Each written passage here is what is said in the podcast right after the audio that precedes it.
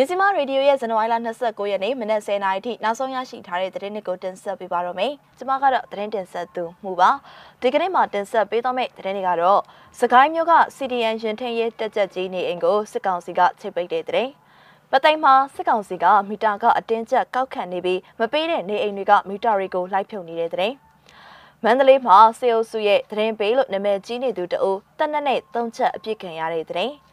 မြောက်မှာစစ်ကောင်စီစစ်ကြောင်းမိုင်းဆွဲတိုက်ခိုက်ခံရပြီး၄ဦးသေဆုံးနေတဲ့တဲ့အဆရှိတဲ့သတင်းတွေကိုတင်ဆက်ပေးသွားမှာပါဦးဆောင်သတင်းအနေနဲ့စကိုင်းမြို့က CDN ရင်ထင်းရဲတက်ချက်ကြီးနေအိမ်ကိုစစ်ကောင်စီကချိတ်ပိတ်တဲ့သတင်းကိုတင်ဆက်ပေးကြပါမယ်။စကိုင်းမြို့စင်ကုန်းတိုက်နယ်လေးကျွန်းမြေရမှာရှိတဲ့ CDN ရင်ထင်းရဲတက်ချက်ကြီးတဦးရဲ့နေအိမ်ကိုမနေ့ကနနက်10:00နာရီခန့်မှာစစ်ကောင်စီကလာရောက်ပြီးချိတ်ပိတ်သွားကြောင်းဒေသခံတွေထံကနေသိရပါဗျ။ ချိတ်ပိတ်ခံရတဲ့နေအိမ်မှာစကိုင်းမြို့နယ်ရင်ထင်းရဲတပ်ဖွဲ့မှတက်ကြက်ကြီးအဆင့်ရှိသူဦးမျိုးဝင်းရဲ့နေအိမ်ဖြစ်ပြီးတော့လူနေထိုင်မှုမရှိဟုသိရပါတယ်။စကိုင်းမြို့ကန်တအုပ်ကကိုမျိုးဝင်း CDN ဝင်သွားပြီးကတည်းကအဲ့ဒီအိမ်မှာဘသူမှမနေတော့ဘူး PDF နဲ့ပတ်သက်ဆက်ဆက်နေတယ်ဆိုတဲ့ဆွဆွဲချက်နဲ့ချိတ်ပိတ်သွားတာလို့ပြောပါတယ်။ CDM ပြုလုပ်ခဲ့တဲ့ရင်ထင်းရဲတပ်ဖွဲ့ဝင်တဦးရဲ့နေအိမ်ကိုချိတ်ပိတ်ခြင်းမှာစစ်တပ်နဲ့ရဲတပ်ဖွဲ့မှ CDM ပြုလုပ်နေသူများနေတယ်လို့ထုတ်ဖော်ဖော်ပြနေသလိုဖြစ်ပြီးတော့လက်ရှိတာဝန်ထမ်းဆောင်နေစေစစ်သားရဲသားတွေ CDM ထပ်မံမပြုလုပ်ရဲဘဲနဲ့ရက်တန့်သွားအောင်ပြုလုပ်ခြင်းဖြစ်တယ်လို့ချိတ်ပိတ်ခံရမှုအပေါ်မှာမြို့ကန်အချို့ကသုံးသပ်ကြပါတယ်။ဆက်လက်ပြီး ပသိမ်မှာစစ်ကောင်စီကမီတာကအတင်းကျပ်ကောက်ခံနေပြီးတော့မပေးတဲ့နေအိမ်တွေကမီတာတွေကိုလိုက်ဖြုတ်နေတဲ့တဲ့ရင်ကိုတင်ဆက်ပေးကြပါမယ်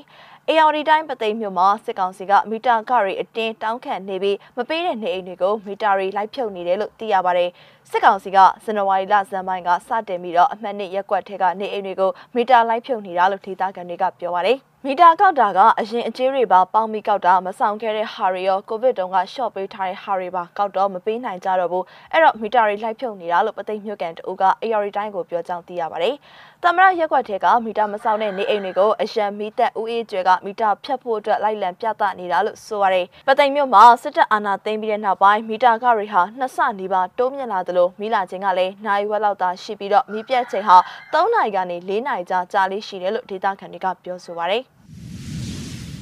ဆက်လက်ပြီးတော့မန္တလေးမှာဆီယိုဆူရဲ့သတင်းပေးလို့နာမည်ကြီးနေသူတို့တနက်နေ့သုံးချက်အပြစ်ခံရတဲ့အကြောင်းကိုတင်ဆက်ပေးကြပါမယ်။မန္တလေးမြို့မှာအကြံဖက်ဆီယိုဆူကိုသတင်းပေးလှုပ်ကိုင်နေတယ်လို့နာမည်ကြီးနေသူအမျိုးသားတို့တနက်နေ့သုံးချက်အပြစ်ခံရပြီးစေယုံကိုပို့ဆောင်လိုက်ရတယ်လို့ဒေသခံတွေကပြောပါတယ်။ဇန်နဝါရီလ28ရက်နေ့ညနေပိုင်းမှာမဟာအောင်မြေမြို့နယ်62လမ်းနဲ့42လမ်းအနီးမှာတက်သတင်းပေးလို့နာမည်ကြီးနေသူကိုဝင်းစော်မိုးကိုအမည်မသိသူတို့ကပြစ်ခတ်သွားခဲ့တာပဲဖြစ်ပါတယ်။တနက်နေ့သုံးချက်ပြစ်တာမသေးဘူးလက်မောင်းနဲ့ပေါင်မှန်တယ်လို့ကြားတယ်ဆိုပြီးဒေသခံတို့ကပြောပါတယ်။ပြစ်ခတ်မှုနဲ့ပတ်သက်ပြီးတော့ဘယ်အဖွဲ့အစည်းကလှုပ်ဆောင်သွားခဲ့တယ်ဆိုတာကိုတော့တိကျသတင်းထုတ်ပြန်ခြင်းတော့မရှိသေးပါဘူးရှင်။နောက်ဆုံးသတင်းအနေနဲ့မြောက်မှာစစ်ကောင်စီစစ်ကြောင်းမိုင်းဆွဲတိုက်ခိုက်ခံရပြီး၄ဦးသေဆုံးတဲ့တဲ့ရင်ကိုတင်ဆက်ပေးကြပါမယ်။စစ်ကောင်စီစစ်ကြောင်းဟာမြောက်မြို့နယ်တမတ်ဆေးကန်ရွာကနေထွက်ခွာလာစဉ်နဘတ်တာတော်ယူအနီးမိုင်းဆွဲတိုက်ခိုက်ခံခဲ့ရခြင်းဖြစ်ပါတယ်။ဇန်နဝါရီလ29ရက်နေ့ကအင်အား50ခန့်ရှိတဲ့စစ်ကြောင်းကိုမိုင်းသုံးလုံးဆွဲတိုက်ခိုက်ခဲ့ပြီးတော့ညီနောင်မဟာမိတ်သုံးဖွဲ့ပူးပေါင်းပြီးတိုက်ခိုက်ခဲ့ကြောင်း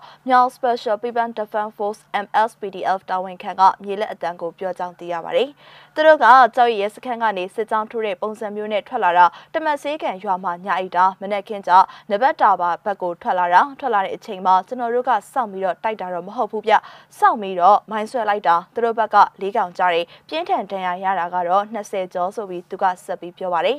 တိုက်ခိုက်မှုကိုမြောင် Special People Defense Force MLSPDF ကဦးဆောင်ပြီးတော့27 Revolution Force မြင်းချန်နဲ့မြောင် Generation Gorilla Force MTG of ညီနောင်မဟာမိတ်သုံးဘက်ကနေပူးပေါင်းတိုက်ခိုက်ခဲ့ကြောင်းသိရပါတယ်ရှင်။ မြစီမရေဒီယိုရဲ့ဇန်နဝါရီလ29ရက်နေ့မနက်10:00နာရီထိနောက်ဆုံးရရှိထားတဲ့သတင်းတွေကိုတင်ဆက်ပေးခဲ့တာပါ။နားဆင်ပေးခဲ့တဲ့အတွက်ကျေးဇူးတင်ပါတယ်ရှင်။